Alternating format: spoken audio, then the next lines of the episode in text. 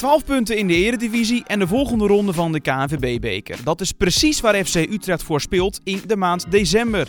Na de 3-0 nederlaag tegen AZ is een zege op hekkensluiter RKC misschien wel het ideale recept. Zowel om het duel met de Alkmaarders weg te spoeden, als heerlijk te beginnen aan, zoals gezegd, die decembermaand. Leuk dat je luistert naar de FC Utrecht Matchday podcast, zoals gebruikelijk vanuit Stadion Galgenwaard, waar ik met Dick Teunen, manager media van FC Utrecht en twee spelers, die spraken we eerder deze week, vooruitblik op het duel met de Brabanders. 15 goals voor Dick, 37 tegen, 5 punten gepakt en de laatste positie in de Eredivisie. Dat is eh, RKC in het kort. Hoe kijk jij naar die, eh, die club en naar uh, de resultaten van dit seizoen? Nou, ik kijk er al wat langer naar. Maar nee, dit seizoen, die, die, cijfers die je noemt, die zijn ontegenzeggelijk waar. Uh, ik zie wel regelmatig wedstrijden van RKC, zoals sommige mensen misschien al wel weten. En anders weten de mensen het nu die het nog niet wisten. Uh, maar ik heb uh, van jongs af aan wel een, een, zwak voor RKC, mag ik wel zeggen. Ik heb ook een jaar of vijf fulltime bij die club gewerkt voordat ik hier bij FC Utrecht aan de slag ging. Dus dat, dat is dan toch, dat is en dat blijft een club die ik met nou ja, bovengemiddelde interesse volg. Dus op de dagen dat wij geen wedstrijd hebben met FC Utrecht en ik ben bijvoorbeeld in de gelegenheid om op Fox Sports naar een wedstrijd van RKC te kijken, dan zal ik dat altijd wel doen. Afgelopen weekend ook gedaan. Toen speelden ze bijvoorbeeld tegen FC Emmen. Dat was echt geen beste wedstrijd van RKC.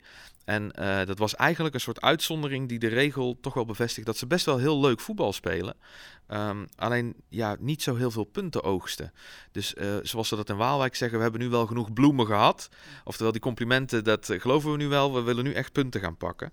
En nou, dat zullen ze ook echt wel moeten doen. Want als ze erin willen blijven tenminste. Want dan moeten ze dus twee teams inhalen. En er is echt maar één manier om dat te doen. En dat is om af en toe eens wedstrijden te gaan winnen. Nou, vorig seizoen werd uh, die club RKC Waalwijk in ieder geval de nummer 8 van de keukenkampioen-divisie. Op 21 punten achterstand van kampioen FC Twente. Het toetje van de keukenkampioen-divisie, dat is de play-offs, die is misschien nog wel mooier dan het reguliere seizoen. Op 28 mei 2019, u weet het misschien nog, haalde FC Utrecht uh, de voorronde van de Europa League door uh, te winnen in de finale bij Vitesse. Enkele uren daarvoor leek Go Ahead Eagles te promoveren naar de Eredivisie. De finale in Deventer.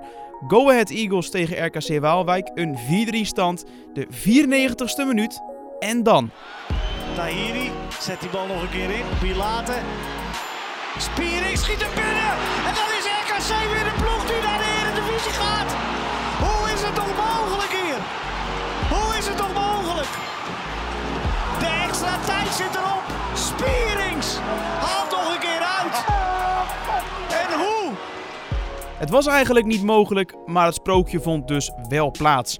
Samenvatting van dit duel, dat is uh, zeker het bekijken waard. Dat kun je doen uh, via uh, de Fox Sports pagina op YouTube. Ja, die samenvatting van het duel tussen Go Ahead Eagles en RKC Waalwijk, die is al 400.000 keer bekeken. Kortom, je wordt geen seconde in die video teleurgesteld. Doe dat zeker even. Iemand die het duel van de bank beleefde, dat is Silla Zo. De speler die een verleden heeft bij Jong FC Utrecht en nu dus speelt voor RKC Waalwijk. Dat is dus niet degene dik die we zoeken in de rubriek uh, Utrechts paspoort. Iemand die zowel bij uh, FC Utrecht als RKC Waalwijk heeft gespeeld. Maar wie zoeken we dit keer wel? Verklap maar een paar dingen. Nou, er waren in ieder geval voldoende spelers om uit te kiezen. Ehm, een aantal keepers ook. Daar heb ik toch niet voor gekozen uiteindelijk. Waarom geen keepers dan? Nou ja, de speler voor wie ik uiteindelijk heb gekozen, daar heb ik ook nog wel een leuke anekdote over. Die volgt natuurlijk later in deze podcast. Ah, dus eigenlijk is die anekdote ook een heel klein beetje leidend geweest. Ja, stiekem wel eigenlijk. Ja. Waar ik in ieder geval naar op zoek ben, uh, en dat kan ik denk ik wel uh, verklappen, is uh, een voetballer die uit Amersfoort komt. Toevalligerwijs hadden we het daar vorige week nog over, over Amersfoortse voetballers. Nou, dit is er ook zo één. En dit is een Amersfoortse voetballer die nou, behoorlijk wat clubs heeft gediend, kunnen we wel zeggen, in binnen- en ook buitenland. En hij is ook nog jeugdinternational geweest namens Nederland. Een aanvaller. Hij was potig, sterk en uh, zorgde er linksom of rechtsom toch altijd wel voor dat hij zijn goaltjes meepikte. En dat is wat ik er op dit moment over kwijt wil. En heel veel meer dus niet. Nee. Nog niet, maar later in deze podcast uh, dus wel. Dan kom jij erachter welke speler Dick Teunen zoekt in de rubriek Utrechts Paspoort. Voorlopig nog even niet, want we gaan allereerst nog de nodige dingen bespreken en delen met jou. normaal wat later in deze podcast, nu wat eerder, hebben we het alvast gehad, Dick. De mededelingen. Ja, nee, dat is altijd een heel officieel moment. Deze keer ook. Um, wat goed is om te zeggen deze keer, het fanplein dat is er natuurlijk weer. En ehm, dat is helemaal in Sinterklaas sfeer rondom de wedstrijd tegen RKC. Er staat bijvoorbeeld een groot Sinterklaas springkussen. Ik denk Corné, als jij het lief vraagt, en je je schoenen even uitdoet, dat jij er ook wel op mag. Ja, daar heb jij wel iets mee. Hè? Altijd mij weer betrekken bij die uh, activiteiten. Ik zie dat al voor me, ja. ja. En dan eigenlijk met microfoon in de hand. Op de ja, met microfoon in de hand. Ja, het is altijd of een camera of een microfoon en uh, Corné op het fanplein. Misschien moeten we het ooit een keer gaan doen. Ja, Corné in de lucht is het dan eigenlijk. Ja, Corné in het hout, Corné in de lucht. Ja. Nou, er zijn ook nog drie pannaveldjes. Dus voor iedereen met een beetje leuke voetbalskills uh, zou ik zeggen, kom ze daar maar eens tonen. En Broekies voor zorgt ook voor stropdas schieten deluxe. En uh, nou ja, dat is ook de moeite waard, lijkt mij. Verder is er natuurlijk ook weer de uh, supportersdebuut tent. Dus dat is als je voor het eerst een wedstrijd van FC Utrecht bezoekt. Als dat nou die FC Utrecht RKC Waalwijk is van dit weekend. Dan kun je daar eventjes langs. En dan maak je van jouw debuut eigenlijk een onvergetelijk debuut. Dus hartstikke leuk. En uh, nou, ik zei het net al een beetje, Sinterklaasfeer. Dus het zou mij niet verbazen als er ook de nodige pieten rondlopen. Verder wil ik graag nog eventjes vertellen dat er weer nieuws is over de fietsenstalling. En wat dan wel uh, grappig is in dit geval, is dat uh, het stadion van RKC vroeger altijd de fietsenstalling werd genoemd. Dat was uh, een behoorlijk klein stadion eigenlijk. En vandaar die vergelijking ook.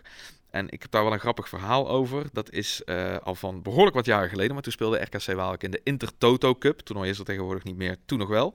Uh, Karl Zeiss Jena kwam toen op bezoek in Waalwijk. En het verhaal gaat dat de bus van die Duitse club de nodige keren langs nou ja, het stadion is gereden. Maar dat ze dachten, ja, dit, dit kan het toch niet zijn. We, we zoeken toch echt het grote stadion van het grote RKC Waalwijk. En uh, nou ja, uiteindelijk bleek dat ze toch echt bij die accommodatie moesten zijn die ze niet echt voor stadion aanzagen. Maar ze kwamen er dus toch. Um, dat vind ik wel een leuke anekdote. Verder uh, gaat het hier om een heel ander soort fietsenstalling natuurlijk. Deze fietsenstalling in Utrecht is bedoeld om je fietsen te stallen. Dat kan gratis, dat kan bewaakt. En uh, dat is een pilot, die is al enige wedstrijden aan de gang. Bij RKC thuis weer, bij Feyenoord thuis is hij er ook. Dus bij deze hebben we dat dan ook afgetikt. Gratis, bewaakt en te vinden bij de kruising van de weg tot de wetenschap en de laan van Maarschalkerweert. Open van 2 uur voor tot en met 2 uur na de wedstrijd. Dick, ik uh, dank je voor uh, de mooie mededelingen. En we gaan, uh, we gaan voorbeschouwen. Dat doen we met Mr. Eredivisie en de man die dit seizoen al meerdere goals voor FC Utrecht scoorde. Maar alleen in stadion Galgenwaard. Dat kan er natuurlijk maar één zijn. Dat klinkt natuurlijk veel mooi. Maar voor deze ene keer zeggen we dat kunnen er natuurlijk maar twee zijn. Willem Jansen en Sander van der Streek. Ik heb ze ook een paar keer wel zien spelen. Ook ja, tegen, tegen nou, goede clubs. Um, ja, waar, ze, waar ze soms denk ik minder hebben gekregen dan dat ze misschien verdiend uh, uh, hadden. En uh, ja, het heeft natuurlijk ook wel weer met bepaalde kwaliteiten te maken. dat ze denk ik veel wedstrijden ook al makkelijk goals tegenkregen. Ook bijvoorbeeld uit spelervattingen. En... Nou ja, ze hebben het een hele hoop tegenstanders wel echt heel erg lastig gemaakt omdat ze gewoon goed voetballen. Dus ja, dat is wel hun, ja, hoe moet ik zeggen, hun plan, om het zo maar te zeggen. En ja, als ze daaraan vasthouden, dan moeten wij zorgen dat we beter zijn. In balbezit zeker. Maar het is inderdaad een goed voetballende ploeg, uh, positieve spelopvatting.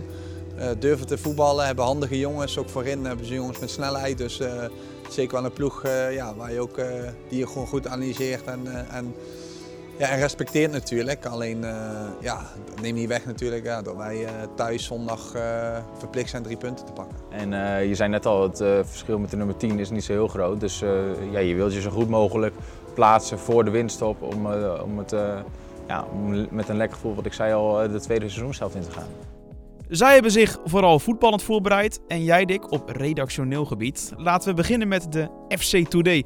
Wat kunnen supporters die afreizen naar stadion Galgenwaard zondagmiddag in het programmaboekje van de FC lezen? Nou, onder meer een interview met Simon Makinok. Dat is, uh, ja, Makinok. Dat is de man die op de cover staat deze week. Prachtige cover geworden trouwens. Um, en uh, nou, hij spreekt ook uh, vrij uitgebreid eigenlijk over zijn loodzware revalidatieperiode.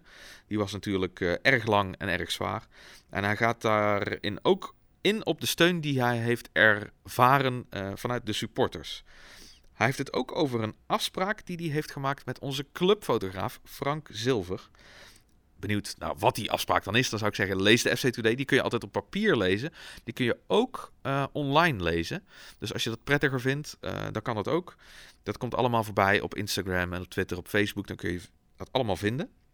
Verder in het boekje uh, onder meer een poster van de 030 sfeeractie van afgelopen weekend, zoals die toen uh, te zien was op de Bunnik site. En portretjes van mannen die voor zowel FC Utrecht als RKC Waalwijk speelden. Let op, dat zijn dus weer niet de mannen die we zoeken in Utrechts paspoort. Het zijn wel Rodney Snijder, Gert Kruis en Erik ten Hag. Ja, en wie we ook uh, uh, niet zoeken, in Utrechts paspoort. Dat is Silla So, die benoemde ik zojuist al even. De man die ja, zijn wedstrijden heeft gespeeld, vooral in jong FC Utrecht. Maar ook één keer in de hoofdmacht in actie kwam. Maar daarna uiteindelijk in de winterstop van het seizoen 2018-2019 van jong FC Utrecht vertrok naar RKC Waalwijk. Wat voor mooie dingen kun jij nog meer vertellen over deze Silla So, Dick? De feitjes en de weetjes. Leuk altijd, hè? Nou, in Waalwijk zijn ze bijzonder in de nopjes met Silla So. Al was het maar vanwege het feit dat hij de clubtopscorer is op dit moment van RKC. Hij heeft uh, drie goals gemaakt. De afgelopen drie wedstrijden scoorde hij ook iedere wedstrijd één keer. En uh, wat dan wel een aardig detail is, is dat Silla So de eerste RKC'er kan worden sinds Rick Hogendorp in 2005 die in vier eredivisie-duels op rij het net weet te vinden. Het is natuurlijk te hopen voor ons allemaal dat hem dat niet lukt.